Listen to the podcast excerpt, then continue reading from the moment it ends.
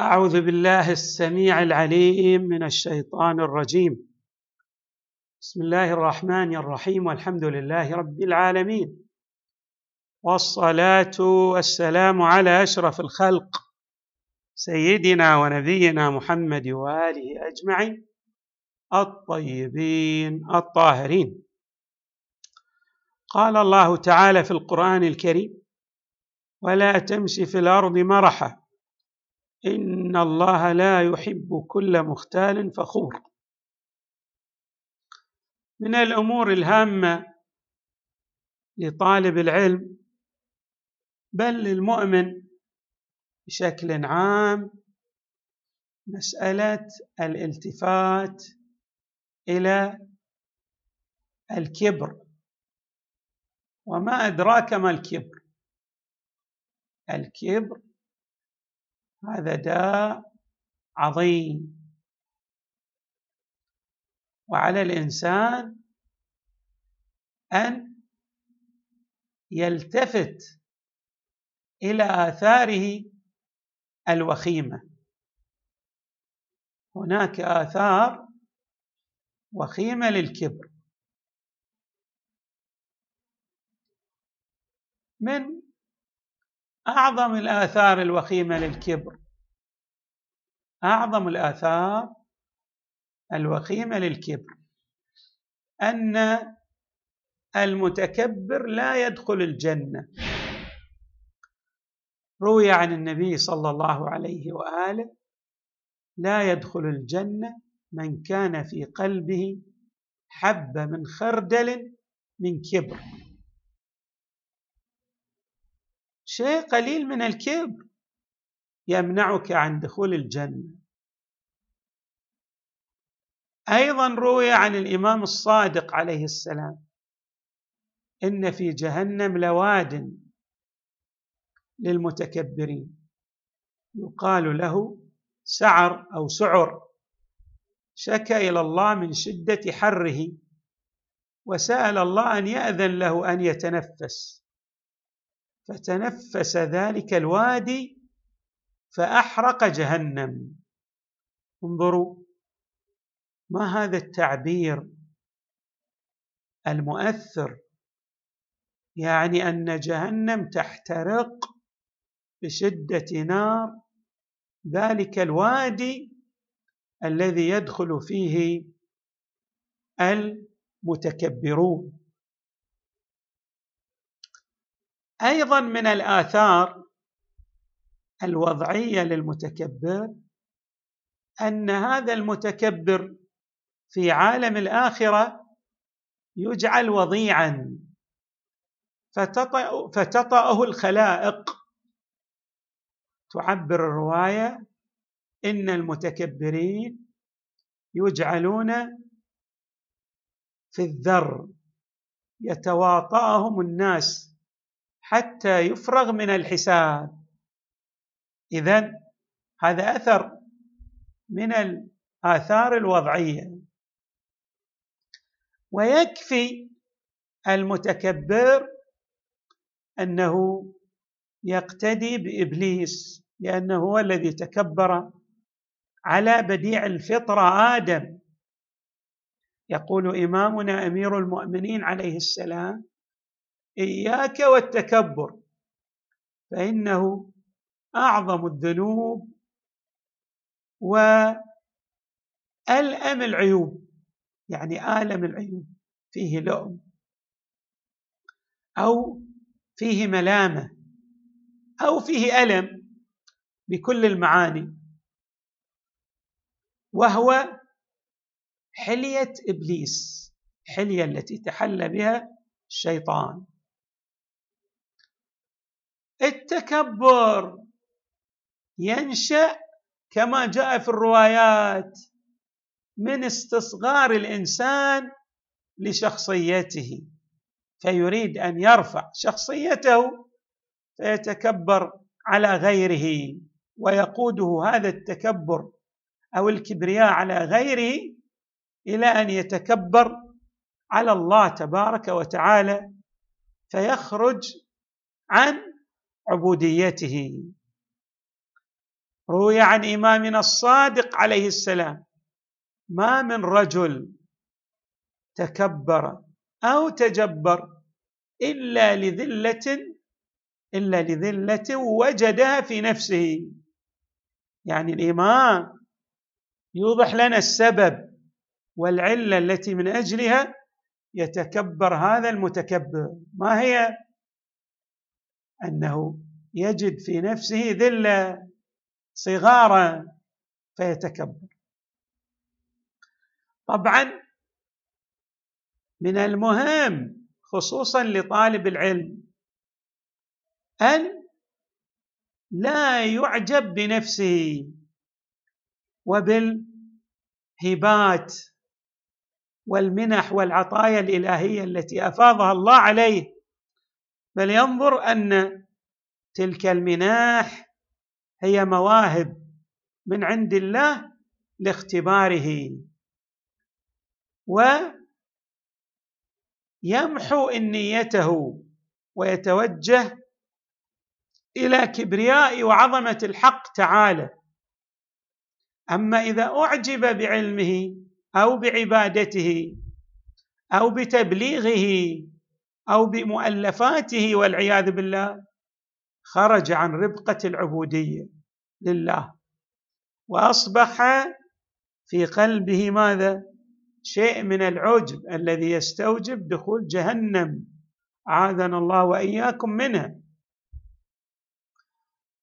نعم في الرواية فمن أعجب بنفسه وبعلمه أو بعمله أو بشيء استعظم ذلك في نفسه فتكبر. يعني يوجب ذلك الكبرياء على غيره.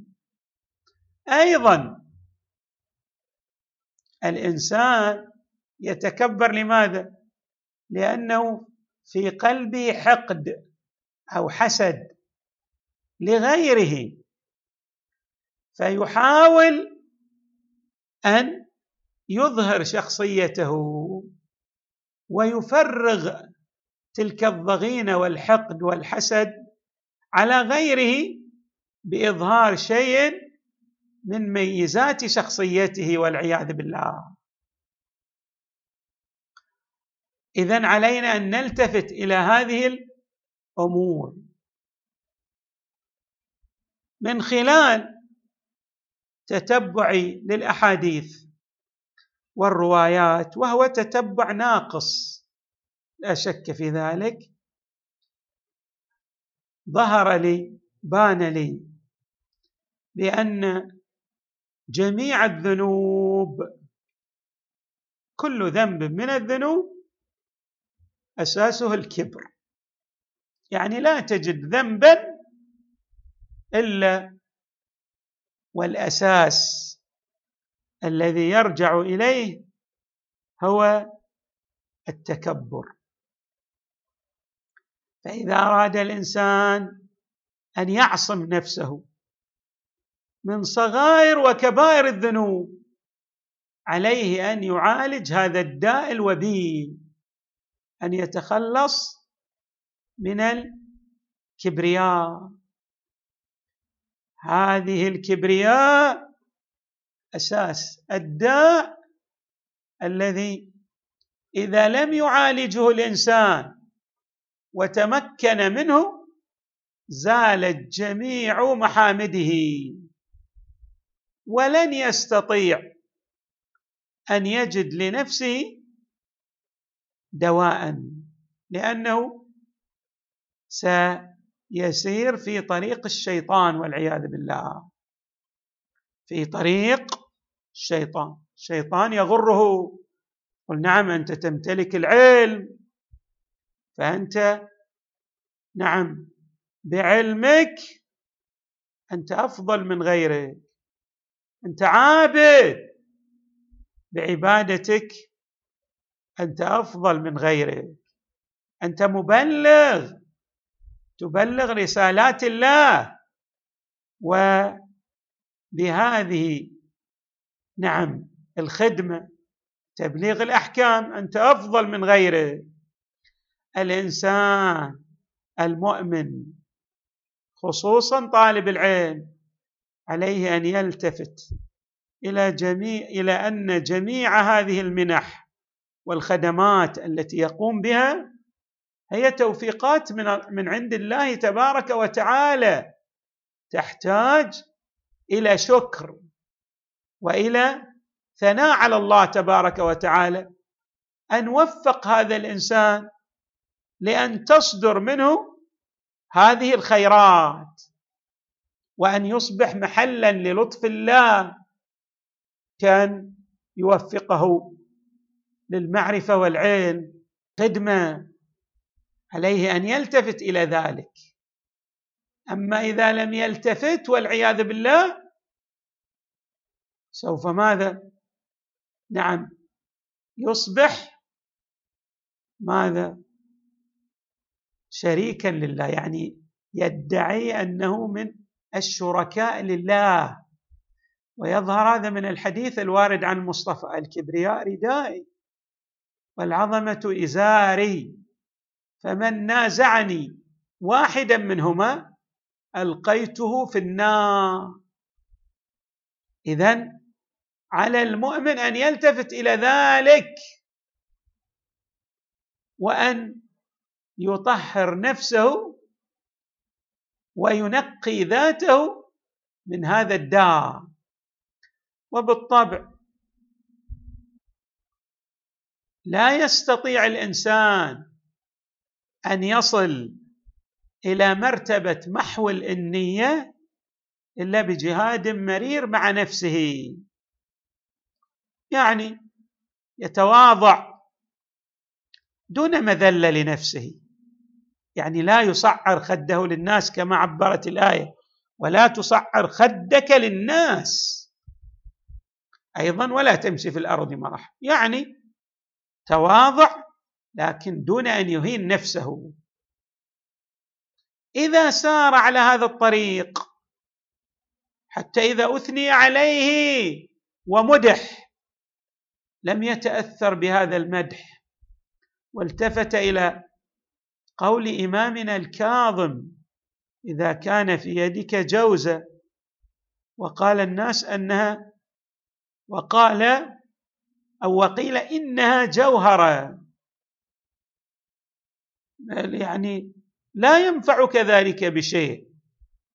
والعكس صحيح إذا كان في يدك جوهرة وقال الناس إنها جوزة ما ضرك قول الناس؟ ما يضرك بشيء لأن المدار ليس على ما يقوله الناس وإنما على الواقع. ولهذا حري. حري. بنا أن نلتفت إلى هذا الداء وإلى تأثيره العظيم علينا كطلبة علم لأن هذا الداء يعني كما عبرت ليس وراءه داء وهو الأساس لكل رذيلة كما يظهر من كثير من الروايات. إبليس. لماذا طرد بهذا؟ فإبليس نعم يحض يحض يحض الإنسان على التكبر والتجبر ليجعل هؤلاء المتكبرين يسيرون في صراطه والعياذ بالله.